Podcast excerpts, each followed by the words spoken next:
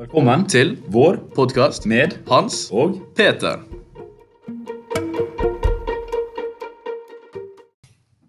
I dag skal vi prate om unionsoppløsninga, noen av grunnene bak til hvorfor dette kom, hva som skjedde etter, og mange av de politiske forandringene grunna både f.eks. unionsoppløsninga, men også noen av nøkkelpersonene. Men før vi skal begynne å fortelle litt om hva som førte til unionsoppløsninga, så skal Brudle her prate litt om de forskjellige motkulturene. motkulturene. Der har vi grupper og organisasjoner og folk som viste opposisjon mot eh, embetsmenn og staten og bykultur og union. Det er en del grupper som var imot både handlingene og det embetsmennene, handelsmennene, sto for.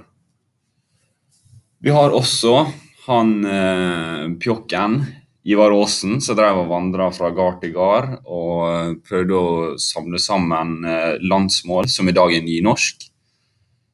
Og bokmål, om du ikke visste det, så oppstår det fra, fra dansk.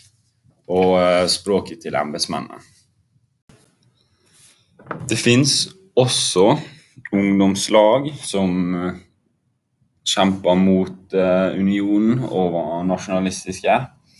I tillegg så var det en avholdsbevegelse som på et tidspunkt greier å eh, gjøre brennevin forbudt um, for, eh, for bykulturen.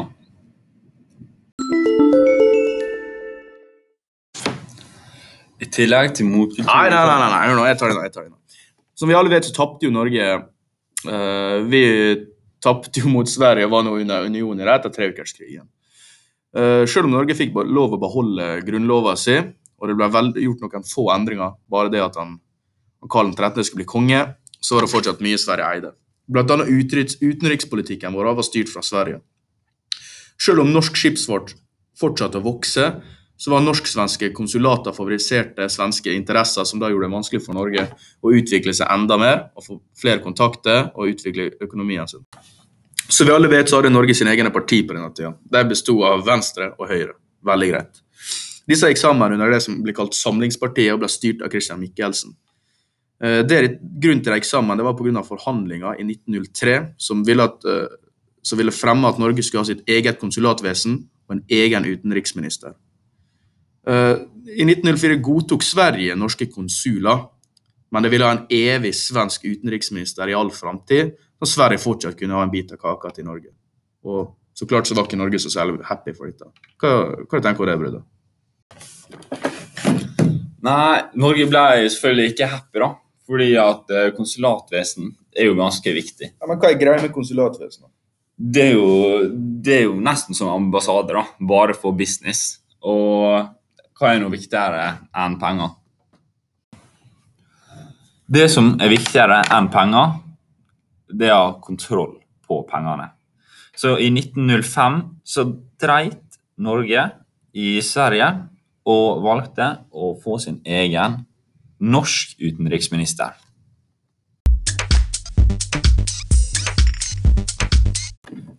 Når Norge valgte å gjøre det de gjorde, å drite i Sverige og ha sin egen norske utenriksminister, så ble jo så klart kongen sur. Eh, Det kongen ikke visste, var at Norge hadde lagt en lukrativ og kynisk plan angående akkurat dette. Det som videre skjedde, var så klart at kongen kom til å nekte å godkjenne dette her. Han ble forbanna fordi Norge bare fikk ut Sverige mer og mer, når Sverige egentlig i utgangspunktet hadde vært ganske grei med dem og latt dem beholde sin egen grunnlov. Det som da skjedde, var at kongen sa nei. Eh, Da svarte regjeringa med en enda større fuck you tilbake, som satte kongen i en vanskelig posisjon. De gikk av. Så med Mikkelsen i spissen gikk regjeringa av i protest mot kongen.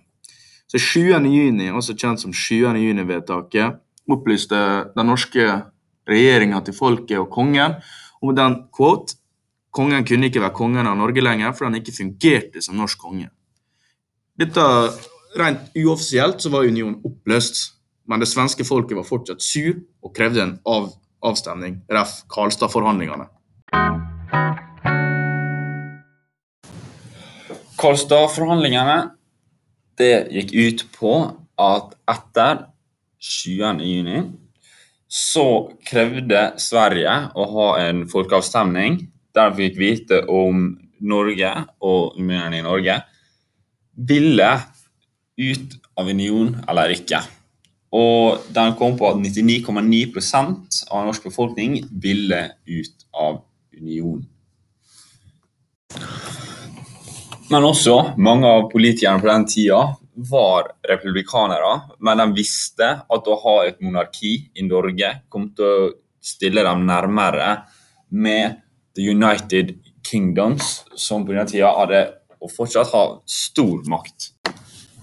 Men den 12. til 13. august så var det en ny folkeavstemning som spurte om Carl, prins Carl av Danmark skulle bli den nye kongen i Norge. Og det var det da 79% som eh, stemte ja for. Og han Carl, eh, prins Carl av Danmark, han er da faren til eh, kong Olav, som da er faren til nåværende kong Harald. Så For å oppsummere dette her litt, så kan vi se på unionsoppløsninga som et resultat og en følge av konsulatsaken. Siden Norge har vært undertrykt lenge og at de ikke får drevet sin egen utenrikspolitikk, så så klart Norge har lyst ut av Sverige. I tillegg en liten faktor som spiller annet på dette, og en egen faktor i seg selv, er den oppbygginga av nasjonalisme som kom helt siden 1814-tallet den lille perioden vi fikk i hermetegn fri fra union med Danmark før vi ble sendt videre til Sverige, så fikk Norge litt av smaken på det å være sin egen nasjon, sitt eget frittstående land. Så med tanke på at vi fikk en grunnlov og vi fikk et storting, og Stortinget har begynt å møte mer og mer, som ble vedtatt i bl.a. 1869, dette med stortingsmøter, så har vi begynt å få en mer og mer oppbyggende følelse av nasjonalisme opp imot unionsoppløsninga. Som andre ord så har Norge vært sprengkåt på å få hver sin egen nasjon, som vi ikke har vært på 500 år. Vi har vært sprengkåt på å beholde monarkiet som vi har hatt siden vikingtida. Og vi har bare blitt en veldig nasjonalistisk nasjon, mer og mer, helt siden 1814.